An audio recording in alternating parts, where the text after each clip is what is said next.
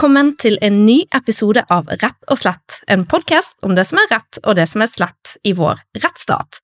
Denne podkasten er sponset av Karnov juridisk forlag. Jeg heter Katrine Holter, og jeg er strafferettsforsker på Politihøgskolen. I denne og i enda en episode så skal vi snakke om Drevdal-saken og samtykkelov. Drevdal-saken handler om den såkalte kulturprofilen som ble tiltalt for ni sovevoldtekter og seksuell omgang med en mindreårig. Han ble dømt for alle tiltalepunktene til 13,5 års fengsel i Oslo tingrett, og derfor så var det nok eh, mange som sperret opp øynene når Drevdal ble frifunnet for alt, bortsett fra én voldtekt, i form av fingring, i ankebehandlingen i Borgarting lagmannsrett og straffen ble da òg redusert til ett års fengsel. Drevdal ble likevel dømt til å betale oppreisningserstatning til fem av disse kvinnene på 690 000 kroner. Denne saken har skapt reaksjoner. Borgarting lagmannsrett ble tagget ned med budskapet 'døm overgriperne', og aktivister har demonstrert for å få på plass en såkalt samtykkelov Samtidig er debatten, etter mitt syn i alle fall, preget av en del misforståelser og overforenklinger. For det er allerede straffbart å ha sex med noen som ikke samtykker. Og hvordan voldtektsbestemmelsen bør se ut, er ikke bare et politisk spørsmål, men det er òg et spørsmål om hva som er god lovgivningsteknikk. Dessuten er det ikke sånn at det å endre den språklige utformingen av lovteksten endrer det som er den virkelig store utfordringen i disse sakene, som altså er å bevise hva som egentlig har skjedd. Til å diskutere Drevdal-saken og hensiktsmessigheten av en såkalt samtykkelov, så har jeg fått med meg Jørn Jacobsen. Han er jusprofessor på Universitetet i Bergen med spesialisering i strafferett. Han er en av Nordens fremste på sitt felt, og han har skrevet bok om voldtektsstraffebudet. Jørn har også forsket på hva som kjennetegner en rettsstatlig strafferett. Det er veldig kjekt å ha deg her i studio, Jørn. Takk. Takk for invitasjonen hit. Mange lurer nok på hvordan resultatet i tingretten og lagmannsretten kunne bli så forskjellig. Ja, og det, det er jo på papiret enormt forskjellige resultat, så å si. Det er eh, vanskelig å beskrive den forskjellen på straffen fra tingretten og, og den eh, omfanget av straffen fra lagmannsretten sin behandling. Og når man bare får det servert, så, så, ser det ut som det er liksom radikalt ulike behandlinger av saken. Men så går man nærmere inn i saken og ser på hvordan beviset er vurdert, hva utgangspunkt dommerne har tatt, og hvordan de har tenkt om de ulike både beviser og reglene osv., så, videre, så vil man se at det er veldig mye som er felles i dem, eh, men det er litt større element av tvil når vi kommer i lagmannsretten, og da særlig hos noen av meddommerne. Mm. Ja, fordi um, det er jo da et mindretall og et flertall i denne lagmannsrettens avgjørelse, og de er eh, de går ut med altså Det er vel egentlig stemmelikhet. da, Det er tre, eh, tre dommere som stemmer for frifinnelse, tre dommere som stemmer for domfellelse. Eh, men pga. stemmereglene så blir det et bestemmende ja, Ikke et mindretall, da, men et bestemmende en bestemmende fraksjon, rett og slett, i, i domstolen. Mm. Og det I eh, tingretten så var jo det tre dommere som var enige om hvordan beviset her skulle vurderes, og hva utfallet av saken måtte bli. Eh, I lagmannsretten så er det flere dommere, eh, og det er ingen på en måte konsistent linje i den forstand at det er litt ulike konstellasjoner. Noen, på noen punkt er det 3-3, og på andre punkt så er domstolen enig om at det er grunnlag for frifinnelse osv. Så, videre. så Så lagmannsrettssaker er veldig komplisert i stemmegivninga, og så ble det da ytterligere komplisert av at én eh, lekdommer eh, måtte fratre saken pga. sykdom, sånn at i realiteten skulle det vært én dommer til, og det kunne jo faktisk ha, ha endra hele utfallet av saken. Eh, sånn sett. Ja, fortell om det. Nei, fordi at eh, ettersom eh, vi på mange punkter i denne saken eh, var, var på en måte en slags mellomløsning, altså at det ble dømt for grov uaktsom voldtekt. Eh, da, eh, og da bare for å, for å, forklare det, altså grov uaktsom voldtekt, det er jo da i Det er jo sånn i strafferetten at eh, normalt så kreves det forsett for at en forbrytelse er straffbar. Det betyr at du må ha gjort det med viten og vilje. Så har man grov uaktsom voldtekt som kommer inn og fanger opp de tilfellene der typisk eh, tiltalte da, ikke har forstått at fornærmede var ute av stand til å motsette seg eh, handlingen, eksempel. Altså der de på en måte har misforstått situasjonen. Eh, og, og, grov altså, grov uaktsom voldtekt var altså et alternativ her. Mm. Ja, og det er et alternativ som domstolen plikter å vurdere også, sånn sett, og som den, den tok stilling til. Men, men og, ser du nærmere på, på fraksjonene, så er det av og til 2-1-3. Altså, der to stykker mente at det var ikke var grunnlag for straffansvar, der én dommer eh, mente at det kunne være snakk om grov uaktsom voldtekt, og andre dommere mente igjen at det, være at det var grunnlag for forsettlig voldtekt. Og Sånn sett så var det litt kompliserte fraksjoner, og eh, med stemmegivningsreglene og slik det var, så, så, var det altså ikke nok dommere som fant grunnlag for verken forsettlig voldtekt eller grov uaktsom voldtekt.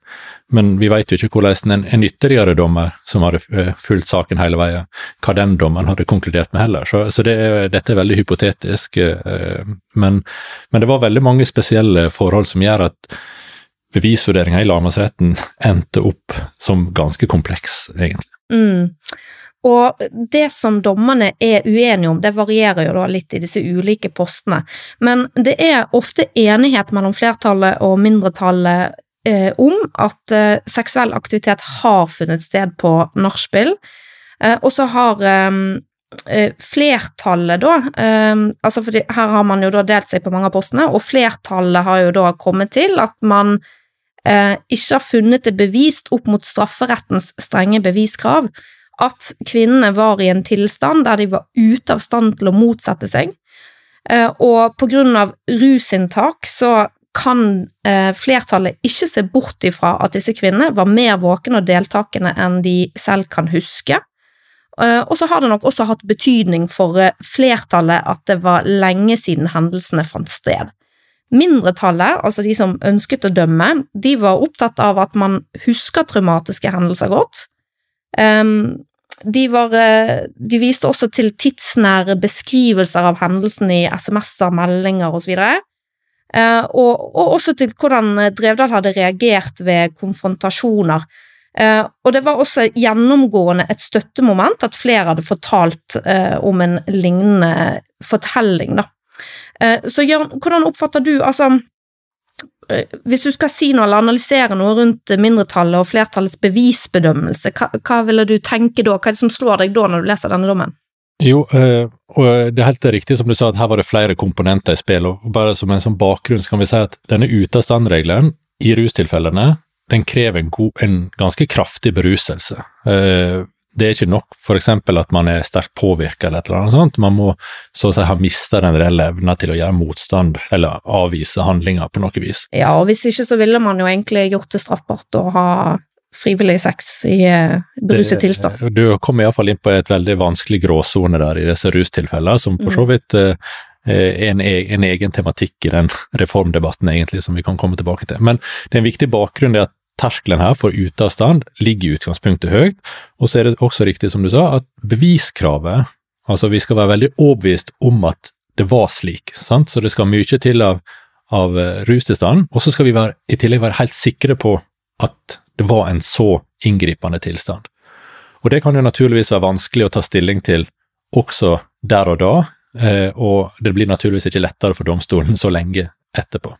Så det er jo en viktig sånn bakgrunn her. Og så eh, er, der, er spørsmålet hvordan forholdt disse ulike dommerne seg til en sånn utfordrende bevissituasjon som dette. Mm. Og jeg, som jeg sa, eh, på samme måten som i tingretten, så kan du si at alle dommerne virker å være ganske på linje om utgangspunkter for bevisvurderinger. Og på det punktet så ser vi at ting har forandra seg eh, over tid med tanke på hvordan man vurderer vitneutsagn og den type ting. Mens man for noen tiår siden typisk sett ville stille spørsmål ved hvorfor var kvinna med han hjem, eller hvorfor var hun lettkledd, og hvordan, hva kunne ellers være motivet for en f.eks. å overnatte hos noen hvis det ikke var sex, f.eks. Den type på en måte mistenkeliggjøring og, eh, og manglende tillit til det påståtte offeret, det ser ikke vi i denne saken. Mm. Og det er jo veldig positivt. Mm. Og tvert imot så er, er domstolen som en helhet opptatt av å ta hensyn til sakkyndige sine betraktninger over hva er rimelig å forvente av et offer i en sånn situasjon. Er det slik at et offer for en voldtekt ikke tar kontakt med gjerningspersonen igjen. Nei, tvert imot så kan man sjøl føle skyld, osv. Så, videre, og sånn. så veldig mange av utgangspunktene er fornuftige her, og i tillegg på en måte delt på tvers av de ulike fraksjonene. Ja, og nå er du inne på det som er det viktige skillet mellom pålitelighet og troverdighet. Eh, det mm, er helt grunnleggende for bevisbedømmelse. Og troverdighet, det handler jo da om, eh, og dette har jeg vært inne på tidligere i episoder av Rett og slett, men eh, jeg gjentar det nå likevel. Troverdighet handler jo da om i hvilken grad vi kan stole på at noen ikke lyger. Det er altså noe annet enn pålitelighet, som er i hvilken grad vi kan stole på at opplysninger er korrekte. Uh, og Det betyr jo da at det kan finnes feilkilder i det som er en troverdig vitneforklaring. Og Poenget her er jo det at dette rusinntaket som uh, sant, For disse, disse kvinner har jo vært beruset uh, på, på, dette tidspunktet, de fleste av de iallfall.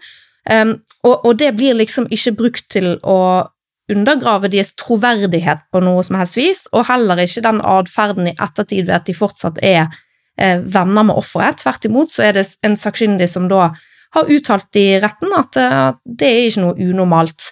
Eh, at man fortsatt kan ha en relasjon til, eh, til, eh, til den som har begått en angivelig eh, voldtekt. da. Um, så, um, så det som, og, og, det som kan påvirke påliteligheten i en forklaring, det kan jo for eksempel være på grunn av stort rusinntak så man kan, kan, man ha hatt blackout, man kan ha på en måte uklarheter i hukommelsen, og så kan tidsforløpet, det at det er lenge siden, som du var inne på, det kan også da forårsake feilkilder. Uh, og det står jo også i dommen at påliteligheten av vitneforklaringer svekkes etter hvert som tiden går. Og dessuten så kan et minne det kan bearbeides i tidens løp. Minnene våre kan på en måte Man kan eh, produsere falske minner eh, ved at man eh, Gjentatte hendelser blir eh, blandet sammen. Hvordan andre definerer en hendelse, påvirker hvordan du husker det hvis det er langt tilbake i tid, osv. Og, så og dette er jo ting som da går på pålitelighet, ikke sant? Absolutt. Og så, så troverdigheten blir ikke liksom stilt spørsmålstegn ved her. Tvert imot. Så, så, og men så kommer vi som sant over i denne vurderinga av disse bevisene, og hvor sikre blir vi av de bevisene som er ført til retten, eh, først i tingretten, og så i en ny forhandling i lagmannsretten. Og det er altså der, der eh, synspunkter begynner å, å, å, dele seg blant dommerne. Du har eh, denne fraksjonen av eh, legdommere som betrakter det som at her er det er godt mulig at det var slik som vitnene beskriver, men vi kan ikke være sikre på dette. Vi er ikke så sikre på Vi ser andre mulige forklaringer her som vi ikke kan utelukke. Eh, og, og, på det grunnlaget så, så eh, konstaterer jo de, den fraksjonen, eh, en ganske klar tvil knytta til hva som var tilfellet her. Og det speiler seg igjen senere i erstatningsspørsmål, der vi også ser at noen av Det er ikke alle postene at det blir argumentert for at det skal tildeles erstatning, selv med et lavere, litt lavere beviskrav der, altså. Men og går vi så videre på en måte på eh, til, til, de som eh, da blir eh, Det blir vel riktig å si mindretallet, altså de som i hvert fall ikke eh, De som vurderte dette som tilstrekkelig bevist at det har foregått voldtekt, de tar jo veldig mye av de samme utgangspunktene, eh, men kan, man kan få inntrykk av at de i større grad ser denne saken på en måte i et helhetlig perspektiv, og sier at her er mange tilfeller av påståtte overgrep som ligner på hverandre. Og det kan, er med på å bygge opp under den forklaringa av at den enkelte vitne, eller enkelte fornærma, sin, eh, sin, forklaring blir opplevd som mer pålitelig. Mm. Sånn at man får på en måte, en slags, på en måte et slags modusargument inn i dette her, kan det synes som, eh, der veldig mange eh, rapporterer om de samme opplevelsene med den samme påståtte gjerningspersonen, og når de da i tillegg eh, har hatt kommunikasjon i etterkant som underbygger deres eh, eh, opplevelse og forklaring osv. Med tiltalte, da. Ja. Mm.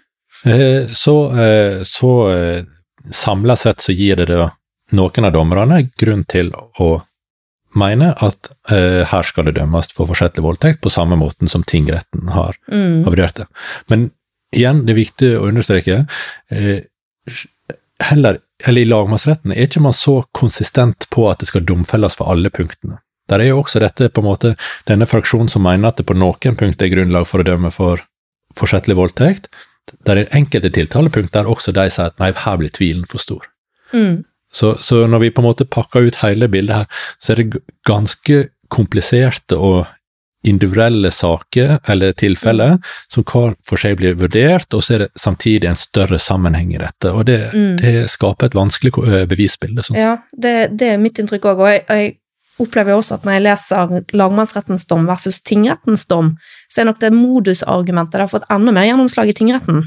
Så det er dampet litt hos mindretallet, altså de som vil dømme i lagmannsretten, og så på en måte forsvinner det nesten helt ut eh, hos den frifinnende fraksjonen, da. Ja, og, det, og det, dette er jo på en måte et veldig komplisert punkt, kan du si. Fordi at på den ene sida så har jo vi lett for å tenke sånn at når noe skjer, eller tilsynelatende skjer ved flere tilfeller i en, en historie, så underbygger jo det sannsynligheten for, eller grunnene vi har for å tro at slik er tilfellet. Så det, det er rimelig og intuitivt å, å tenke i et sånt på en måte helhetlig, holistisk perspektiv, kan vi si. Men samtidig så eh, er jo det slik at hvert enkelt tiltalepunkt skal bevises utover enhver rimelig tvil. Mm. Eh, og sånn sett er dette her argument om at ja, men nå skjedde dette igjen, og, og nå på en måte denne sier noe som ligner på den andre sa, videre. Ja, det, det kan styrke, styrke eh, liksom vår grunn til å tro at slik var det tilfellet, men, men vi skal, eller domstolen skal bevise hvert enkelt tiltalepunkt, at det er ingen tvil på dette punkt, Mm. sånn sett. Og den tvilen kan ikke du nødvendigvis utradere bare med å vise at det har skjedd andre ting i andre sammenhenger. Nei, ikke sant? Eh, og her er det jo også viktig å huske at eh, altså flertallet, de som vil frifinne, eh, deres begrunnelser for å frifinne er jo skrevet altså For det er jo lekdommerne, sant? og den begrunnelsen er jo da skrevet av en fagdommer som ønsket å dømme på flere av disse punktene. Um, og, og selv, om, selv om jeg syns den fagdommeren skriver veldig godt og, og gjør det veldig grundig og i hvert fall ut fra det jeg kan bedømme, veldig samvittighetsfullt overfor for eh, flertallet, eller på lekdommernes vegne, da, eh, så er det jo likevel sånn at den begrunnelsen er skrevet og ført i pennen av en som ønsket å dømme, og da kan den virke kanskje eh, helt utilsiktet, så, så er det kanskje noe med nyanser og sånn som gjør at den kan virke Ja, eller at det tilslører noen, noen nyanser, da, som ellers ville vært i Absolutt, og, og så i tillegg til det du sier her, så, så dette er jo en, en hø, har vært en høyprofilert sak. Eh, og det har jo tiltalte sjøl bidratt til, eh, og det har jo åpenbart domstolen vært bevisst om. Selv om på en måte det ikke verken har Sjøl om man, man får det klare inntrykk av at domstolen har anstrengt seg å bedømme dette på en måte som en individuell sak, Mm. slik alle saker skal bedømmes, så er det samtidig vanskelig å tenke seg at denne begrunnelsen er skrevet uten bevissthet om at dette får oppmerksomhet.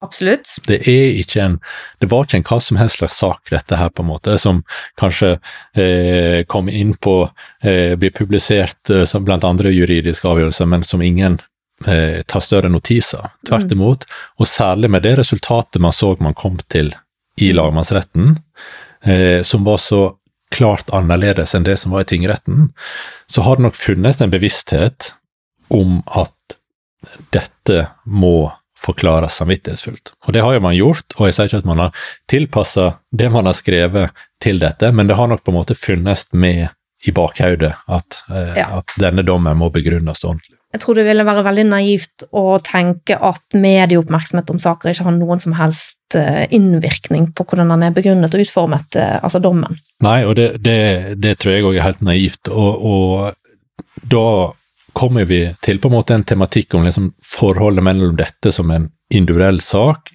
som handler om et straffansvar for eh, den tiltalte for handlinger som er gjort mot det påstått fornærma, som er på en måte den skal vi se, kan si det, på en måte, det fokuset som domstolen skal ha, og så alt dette som beveger seg rundt denne saken, Mm. og som der det finnes et offentlig interesse, og kanskje også man kan snakke om et visst offentlig press her, og det ser jo man på en måte i etterkant av saken med disse her eh, demonstrasjoner, og at, at det blir tagging på domstolen og sånt, at det, det finnes et trykk rundt dette, og eh, for offentligheten så blir dette ikke bare en enkel sak, men det blir noe symbolsk for et Mm.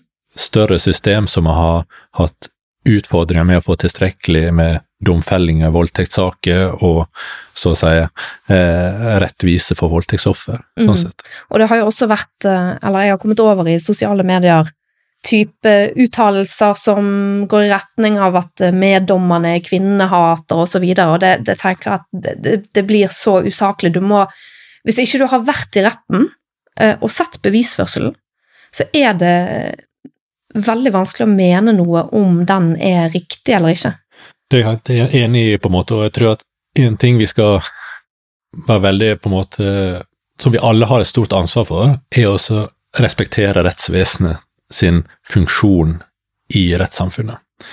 Den er den skal være apolitisert. Den skal ikke på en måte være et slags Jeg, jeg skrev eh, i en sammenheng at, at domstolen er ingen kulturprofil. Den er ikke noen som skal ta stilling til eller lede trender eller et eller annet. Den skal anvende de reglene som finnes, og dømme etter beste skjønn ut ifra de bevisene som finnes. Og det er veldig viktig at vi på en måte på noe vis aksepterer, tror jeg. Eh, men, så, men så klart, domstolene er samtidig et viktig uttrykk for eh, holdninger og hvordan vi ser på bevis og oppfatter hverandre osv. Så og sånn sett er det naturligvis sånn at dette fortjener offentlighetens interesse, men jeg tror ikke vi skal gå for langt i så å si å, å politisere den enkelte sak og, og de Mm. som, som, eh, som dømmer i den. Ja, det tror jeg er kjempeviktig. Eh, og så er det òg viktig å på en måte reflektere rundt at det handler ikke om, om hvem du tror på. Ikke sant? Eh, det er ikke det domstolen tar stilling til i en straffesak, om du tror mer på den ene eller det andre. Det er ikke 50% sannsynlighetskrav i beviskravet her. Altså Her skal det bevises utover enhver rimelig tvil. Det vil si, da skal vi ligge på over 90% 95% kanskje. Det skal bare være en, liksom, den teoretiske tvilen man ser bort ifra. Og den jobben er jo dommerne satt til å utøve. Og så er det jo noen som tenker da at eh, ja, lekdommerne det er jo de som vil frifinne her, og de kan jo kanskje ikke bevisbedømmelse så godt. Eh, Men sånn er jo heller ikke systemet vårt bygget opp. Det er jo ikke sånn at fagdommerne er noe bedre i bevisbedømmelse enn lekdommere. Nei, og dette her er jo Altså, hadde vi visst hvordan bevis mest riktig blir bedømt, så hadde jo det løst mye, mange utfordringer vi har. Men problemet er at vi har en uviss i den enkelte sak, og så har vi rett og slett en, en viss uvisse om hvordan vi kan bygge institusjoner som mest adekvat og mest riktig tar stilling til hva skjedde den gangen. Eh, og der, her er jo det veldig mange ulike hensyn som gjør seg gjeldende, og det er klart at fagdommere har visse styrker, men lekdommere har også styrker. Og så er det naturligvis sånn at lekdommere kommer ikke i én eh, hva skal jeg si, form. Det er tvert imot, det skal jo gjenspeile litt mangfoldet i samfunnet, ideelt sett, eh, og, og på den måten gi både korrektiv og innspill til domstolen osv.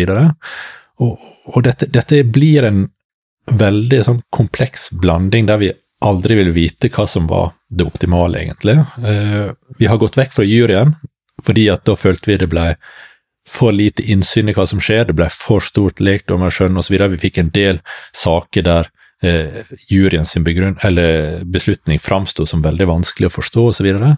sånn at her, det pågår jo en kontinuerlig utvikling i rettsvesenet med tanke på å gjøre dette bedre, og Mm. rettsvitenskapen bidrar med nye fortellingsparadigmer og nye måter å forstå bevisvurdering. Men det er superkomplekst, altså, og det, det der er ingen på en måte sånn Og ikke minst så blir politiet stadig flinkere til å etterforske. Mitt inntrykk er at der har det vært et kjempeløft de siste ti årene.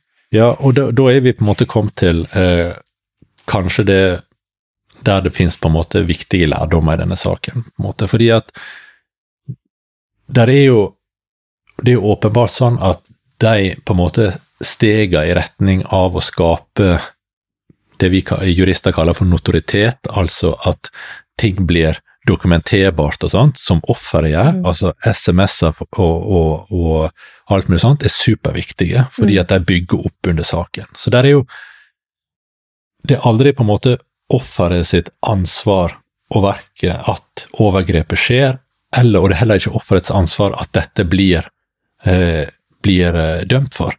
Men offeret kan heldigvis gjøre ting for å hjelpe så å si, rettsvesenet i retning av de som skal holdes ansvarlig, blir holdt ansvarlig. Så, så der, er, måte, der er jo en viktig sånn lærdom som gjelder at det gjelder å ha, som også går på det offentlige med apparat som tar imot et voldtektsmottak og alt det som her, som bidrar til å bygge opp under disse sakene og gjøre dem mer beviselige, rett og slett. Mm. Så det er den en, en, ene siden av dette. Og så er det som du også er inne på, på en måte, ja, eh, sånn at politiet blir bedre på å etterforske, og, og vi får mer sakkyndig kunnskap om rim, hva som er forståelig og naturlig oppførsel for et offer osv. Og, og, og alle disse kreftene bidrar til å gjøre at vi tross alt blir litt bedre i alle fall på å håndtere noe som rettsvesenet vi må en erkjenne har hatt utfordringer med, og det er jo voldtektssaker. Altså. Mm, absolutt. Eh, jeg har en eh, god venninne som er påtalejurist, og hun sa det så godt. Altså at det er jo, selv om det er en utrolig stor utfordring for oss å, å bevise voldtektssaker der det er snakk om altså disse fastvoldtektene, sovevoldtekter og den slags, så skal vi være glad for at ikke staten eh, følger med på hva vi gjør på soverommet. Ja, og det, det er, er, er et veldig godt poeng. Og så er det en annen ting som jeg tenker kanskje jobber i retning av eh, si, en bedre håndtering av disse sakene, er at det har tross alt vært utviklinger i samfunnet med tanke på hva som er akseptabel oppførsel. Eh, vi har hatt metoo og alt mulig sånn. Og, jo, og den, sånn som for eksempel eh, domstolen beskriver her tiltaltes opptreden osv., er i dag regna som mye mer uakseptabel enn det den ville vært for noen tiår siden. Og når det fant sted, da. Ja, og når det fant sted òg, kanskje. Mm. Eh, og sånn sett, eh, og det er på en måte, det gjør jo at, på en måte at disse tilfellene der det skjer noe som ikke er ok, vil bli på en måte tydeligere å se for, på de involverte, de som kan be- bevitne det, og for rettsapparatet måte. Så der er, der er, her er et veldig komplekst samspill mellom Mm. våre samfunnsmessige normer, hva vi reagerer på i samfunnet osv., og, og hvordan rettsapparatet håndterer dette og kan bevise det i ettertid. på en måte. Og, men heldigvis, eh, der er en utvikling eh, i retning av at seksuelle krenkelser, både i rettsvesenet, men ikke minst i dagliglivet, blir tatt på større alvor og blir i større grad observert, rett og slett. Mm. Og så er det jo i denne saken, når man leser dommen, altså du får jo da en ganske grundig beskrivelse av det miljøet som, som danner konteksten for eh, de angivelige overgrepene. Eh, Det er jo et eh, rusliberalt miljø, det er det- fremstår som at det er fri flyt av, av dop og, og til dels sex, virker det som. Og jeg tror nok det òg spiller inn i måten flertallet vurderer bevisene på. Altså det, det, det er rett og slett litt sånn kaotisk bilde, ikke litt det man får inntrykk av når man leser eh, Jeg tror du har helt rett i at det bidrar til å gjøre denne saken på en måte vanskeligere bevismessig sett enn den ville vært i et, et annet miljø der kanskje eh, eksempel eh, seksuell omgang utenfor relasjoner osv. Eh, var mindre vanlig enn det det det er her. Sånn at eh, Han blir jo da dømt for ett tilfelle, Ja. eh, og, og det tilfellet som han blir dømt for, eh, eh, og som jeg så vidt jeg vet han ikke har anket, så det er vel da rettskraftig, da, eh, nå, eh, det er jo eh, denne fingringen av én en dame som han har vært med hjem etter, et, etter en fest på byen, men, men den situasjonen skiller seg litt ut fra en del av de andre, fordi Kanskje ikke fra alle de andre tilfellene, men fra en del av de, fordi at den er ikke preget av dette her rusliberale miljøet på samme måte. Altså, eh, de, de, så, de virker ikke som at de er så beruset, de sitter og prater og sånne ting, og så går de og legger seg, og hun tar på seg Hun liksom er veldig tydelig på at her skal det ikke skje noen ting. Eh, Du kan få sove her, liksom. Så hun tar på seg også en pyjamas for å markere det, og så våkner hun av da at han fingrer hun, eh, og så kaster hun han ut av leiligheten. Og, og det tilfellet er jo faktisk det eldste av de som har vært eh, påtalt. Eh, Men der blir han da dømt. Mm, og det det er vel egentlig litt fortellende for det vi har snakka om her nå, så å si at eh, her er eh, Dette på en måte, skal vi kalle det, litt spesielle eller eh, liberale miljø, både med tanke på rus og sex, som, som dette skjer innenfor, på en måte, det, det bidrar til å viske ut litt sos de sosiale normene som vi ellers bruker for å liksom identifisere og, og så å si se overgrep i, liksom. Det, det er en eh, det er ingen tvil om at de som på en måte er i et sånt miljø, skal ha det samme rettsvernet Absolutt. som alle andre. Det, det, det, aldri, det, handler aldri om at man så å si skal ha et svekka vern fordi at man lever på en, eh, eh, eh en måte som eh, er mer avslappa i forhold til sex og rus osv. Og, så og men, men jo mer sex det blir, og jo mer rus det blir, og så videre, sant? i den konteksten, jo vanskeligere er det å se når gikk det fra et tilfelle med samtykke til et overgrep? Mm. Den, den, overgangen der, både fordi at, at samtykke kan grunn, eller kompetansen til å gi samtykke svekkes av rus gradvis, jo sterkere rus, jo mindre eh, eh jo mindre eh, så å si, dømmekraft har du, og på et eller annet punkt vil du miste kompetansen din til å samtykke til sex. Så, det påvirkes i denne sammenhengen.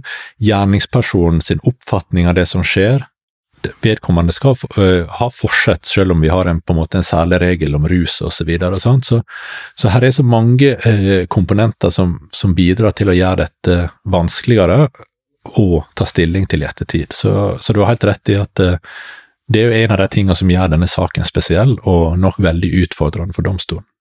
Hva tenker du om forholdet mellom juss og moral i denne saken, da?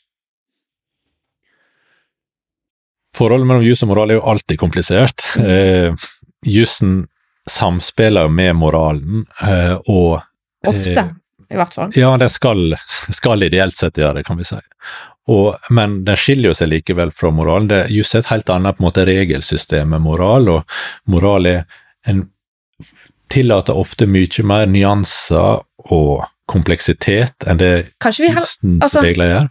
Jeg bare tenker Kanskje vi skal skille også mellom og her var jeg da upresis i min problemstilling, kanskje vi skal skille mellom moral og etikk mm. også, da. Sånn at, eh, og, og, da tenker jeg at etikken er jo på en måte læren om hva som er på en måte eh, gode og dårlige handlinger, mens moral blir mer subjektiv, da. Så du kan jo ha dårlig moral ikke sant? Må, det, er jeg, det er derfor jeg reagerte på at, de, at jussen nødvendigvis skal følge. For ja. du har jo steder der det vil være negativt at, eh, at jussen er moralistisk. Mm. Ja, eller for å si det sånn, da. Eh, det, det finnes veldig mange ulike begrep om moral og etikk i spill her, og for så vidt også ulike begrep om juss, så dette gjør det komplisert. Men det vi kan si iallfall om eh, forholdet mellom juss og moral i dette, er at det er åpenbart sånn at domstolen har betrakta den domfeltes livsførsel, bruk av alkohol, omgang med yngre jenter, eh, eh distribusjon av narkotika osv., som klart en klanderverdig opptreden. Det, det, det, skinner jo gjennom på en mm. måte av, av, eh, av, egentlig hele lagmannsrettsavgjørelsen, på en måte, ja, at det, det stiller sterke spørsmålstegn ved har jeg ikke noe problem med å tilslutte meg. Nei, det er altså no, har ikke, Jeg har ikke førstehåndskjennskap verken til saken eller til, uh, til tiltalte osv., men, men beskrivelsene Men å feste med så unge mennesker med så mye rus når man er så voksen, sant, altså det er jo vil i hvert fall jeg tenke at det har noen moralske sider ja, og, ved seg. Og ser man på en måte dette tilfellet med, med den yngste fornærm, eh, påstått fornærma, som, eh, som er barn. Eh, så, det var særlig det jeg tenkte på, da. Så, så er det klart at eh, det er veldig mye å utsette på handlemåten til den tiltalte i det tilfellet. Det, det tror jeg eh, de fleste vil være enig i, mm. osv. Ja da, bare for å liksom eh, At jeg ikke blir for upresis. Altså, man skal selvfølgelig kunne feste med yngre mennesker, men det var kanskje særlig den mindreårige. Men jeg tror sånn, sånn som, eh, hva skal jeg si, eh, interaksjonen mellom de er beskrevet i saken, så, så, tror jeg veldig mange vil være enig i at, at dette her er veldig klanderverdig opptreden av en, en voksen mann. Så, så, men så er jo på en måte jussen i dette er jo at Eller jussperspektivet i dette er jo at vi kan godt være enige om det, men det er ikke det samme som at, at eh, du har god grunn til å dømme for noe. Fordi at domstolen skal dømme etter de reglene som finnes. Det finnes det regler for hva slags type handlinger som er straffbare, og så finnes det regler om hvor overbevist du skal være om de handlingene, faktisk sett, for at du skal kunne dømme. Og sånn sett kan vi si at her er jo en kompleks interaksjon mellom, si, juss og moral i denne saken. Eh, men fra et sånn domstolsperspektiv så er jo det ikke minst en utfordring, fordi at det, at det er et sterkt si, moralsk pådrag.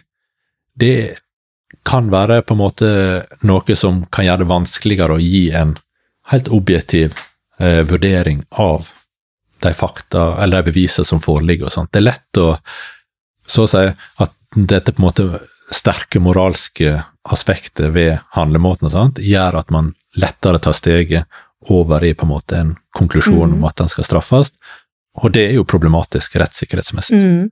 Og det er et kjempespennende spørsmål der, du er inne på et stort tema som uh, da handler om hvordan uh, moralske standpunkter kan influere den rettslige vurderingen, og den rettslige, også, også, den bevisvurderingen, da, som er et forskningsprosjekt som i hvert fall jeg har planlagt på akkurat det, og som jeg forhåpentligvis skal komme i gang med etter hvert.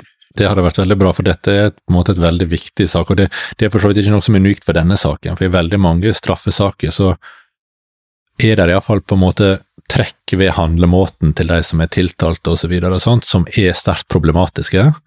Men domstolen sin oppgave er ikke å gi en moralsk dom over verken vedkommende eller vedkommendes livsførsel eller andre mm. ting. De skal dømme om hvorvidt det har funnet sted visse handlinger som er Nettopp.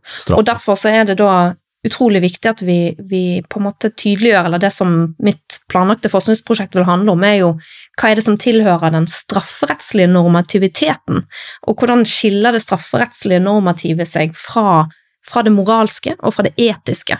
Eh, og hvilke etiske teorier, da, som, som, på en måte etikk, hvis det er på en måte faget her, um, hvilke etiske teorier er det som på en måte passer inn i det strafferettslige ansvaret? Det her er jo ting som du også har jobbet med, da. Ja da, og, og på ene sida, det er kjempeviktig at strafferetten så å si samspiller med et, våre etiske oppfatninger og sånt. De forteller oss noe om hva vi mener er grunnleggende rett og, og galt i samfunnet. Eh, men samtidig så er jo det snakk om å tre inn i så å si det menneskelige samlivet med et ekstremt alvorlig virkemiddel.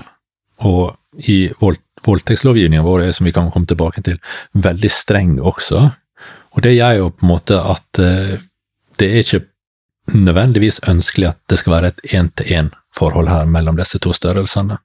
Så, så dette er, er, veldig komplekst. Eh, og samtidig oppå det her igjen, for å ytterligere komplisere, så er jo det vår, den seksuelle etikken, eller vår seksuelle moral, i bevegelse også. Med metoo og alt mulig. sant? Det skjer store forandringer i, fra, i, fra, ti, fra, noen tiår tilbake til i dag om hva som er så å si akseptabel seksuell oppførsel i omgang med andre osv. Så, så, så her er det på en måte mange komplekse sammenhenger og også på en måte bevegelser mellom de ulike mm. komponentene som, som, gjør dette til et veldig utfordrende felt. Og det, det, kan vi si at det er jo noe av det som er spesielt med seksualstrafferetten. Eh, det er at den forsøker å regulere et av de mest så å si intime, etisk komplekse og eh, skal vi si liksom private områder av, mm av våre, våre, liv, rett og slett. Eh, voldsforbrytelser sant, det har, er også dramatiske osv., men har typisk sett uttrykk som er langt mer tydelige, på en måte, mm. i form av at, at, du har skade på kroppen osv. Eh, seksualstrafferetten et helt annet privat preg. Den har det, og, og et, på en måte et, er, seksuelle normer og seksuell samhandling er mye mer sånn subtile på et sett enn eh, en det som typisk sett vår mer sånn eh, rent fysisk omgang er. Mm. Altså, eh, og, og, det gjør dette til et veldig sånn komplekst område for jussen å håndtere. Mm. Og det er eh, sånn sett klare utfordringer når du f.eks. kommer til å bedømme hva skjedde i denne saken, og når det i tillegg da er på en måte et sterkt så å si, etisk aspekt ved det, Eh, for seksuelle krenkelser er noe av det mest alvorlige noen kan bli utsatt for i det hele tatt. Og det er få ting som er så ødeleggende for et menneskes liv å bli utsatt for et alvorlig seksuelt overgrep. så, så det, her er så mange komponenter som Mm. gjør dette til et, et veldig, veldig spenningsfylt felt. rett og slett. Mm. Men eh, du som har eh, skrevet en eh, utrolig viktig doktoravhandling om Um, om på en måte hva er det som kjennetegner den liberale rettsstaten, altså, eller ikke den liberale rettsstaten, men den liberale strafferetten og strafferettspleien. Um, hvis, du vil, hvis du skal ta dette seksualfeltet og, og dra noen linjer i lys av på en måte eh, disse grunnverdiene i den liberale strafferetten, altså hva kan vi lære av det arbeidet du har gjort der? Jeg vil si at det er et perspektiv som nettopp viser hvor både viktig og vanskelig seksualstrafferetten er. Eh, For som jeg nettopp sa, altså hvis vi tenker oss at grunnpremissen for vår rettsordning er at alle skal ha så mye frihet som mulig, og alle skal ha en grunnleggende respekt for sin intimitet, sin kropp og sin autonomi i, i daglivet, så er det helt åpenbart at en strafferett som ikke gir et ordentlig vern mot seksuelle krenkelser, den svikter. Og der tror jeg det er rimelig å si at straff, vår strafferett, som de fleste andres land, har eh, hatt utfordringer og klare svakheter som det har vært viktig å få endra på. Så, og da, og i det, da ser vi på dette på en måte i perspektiv av de som blir utsatt for seksuelle overgrep. Og så, i den iveren vi har etter å avbøte, eh, øke antall domfellelser, få et bedre strafferettslig vern for eh, de som blir utsatt for sånne krenkelser, så er det veldig lett å tro jeg at vi har opplevd at vi er i en, på en måte en periode der fokuset blir mer og mer på staten som skal løse dette. Mm. Eh, og vi snakker om sikringsplikten som følger av menneskerettighetene osv. Men det er på en måte alltid en sånn risiko at det blir en slagside. Der vi tidligere kanskje hadde en sånn slagside på at, vi har vært for opptatt av den andre sida, altså den som at nok ingen skal bli eh, idømt urettmessig straff osv., og, så videre, og, og kanskje dermed på en måte har ikke tatt tilstrekkelig på alvor hvor alvorlig seksuelle krenkelser er, så er på en måte pendelen litt på vei over i andre retning igjen, og det er veldig sjelden at denne pendelen er på det perfekte punktet. Mm. Og det, der tenker jeg at vi må være veldig på en måte flinke til å holde den pendelen i balanse, sånn at vi styrker vernet mot seksuelle krenkelser, men uten at vi gjør det på et sett som gir staten for stor makt og for sterkt inngrep til å gripe inn og straffe enkeltmennesker på et urettferdig grunnlag. Mm. Så, så, så når vi da på en måte ser, eh, ser over på den andre sida av disse konfliktene, den som påstått å være eh, en seksualovergriper eller lignende, det i seg sjøl er jo en dramatisk handling mot noen, og så å si på, beskrive det og straffe dem som seksualovergripere, og særlig da i lys av at vi har fått et ganske sterk, strengt straffansvar, strenge straffer for seksu seksuelle krenkelser osv. Det gjør jo det enda viktigere at vi så å si eh, klarer å ta hensyn og balansere reglene på et sett som gjør at vi har tilstrekkelig rettssikkerhet og en slags, det som jeg liker å kalle for en slags fair labeling, altså at det, det skal være en nyanse, det skal være en gradering av alvor i de ulike krenkelsene. Seksualovergrep, seksualovergrep kom i veldig mange forskjellige former, men jeg tror at de fleste likevel vil være enige om at, at en uønska berøring er noe mindre alvorlig sammenlignet med på, et påtvunget samleie, osv.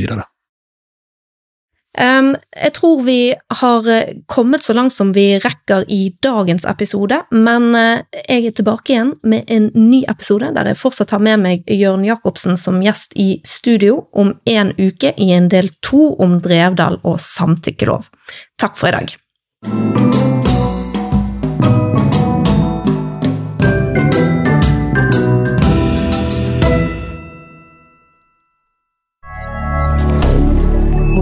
milliardaire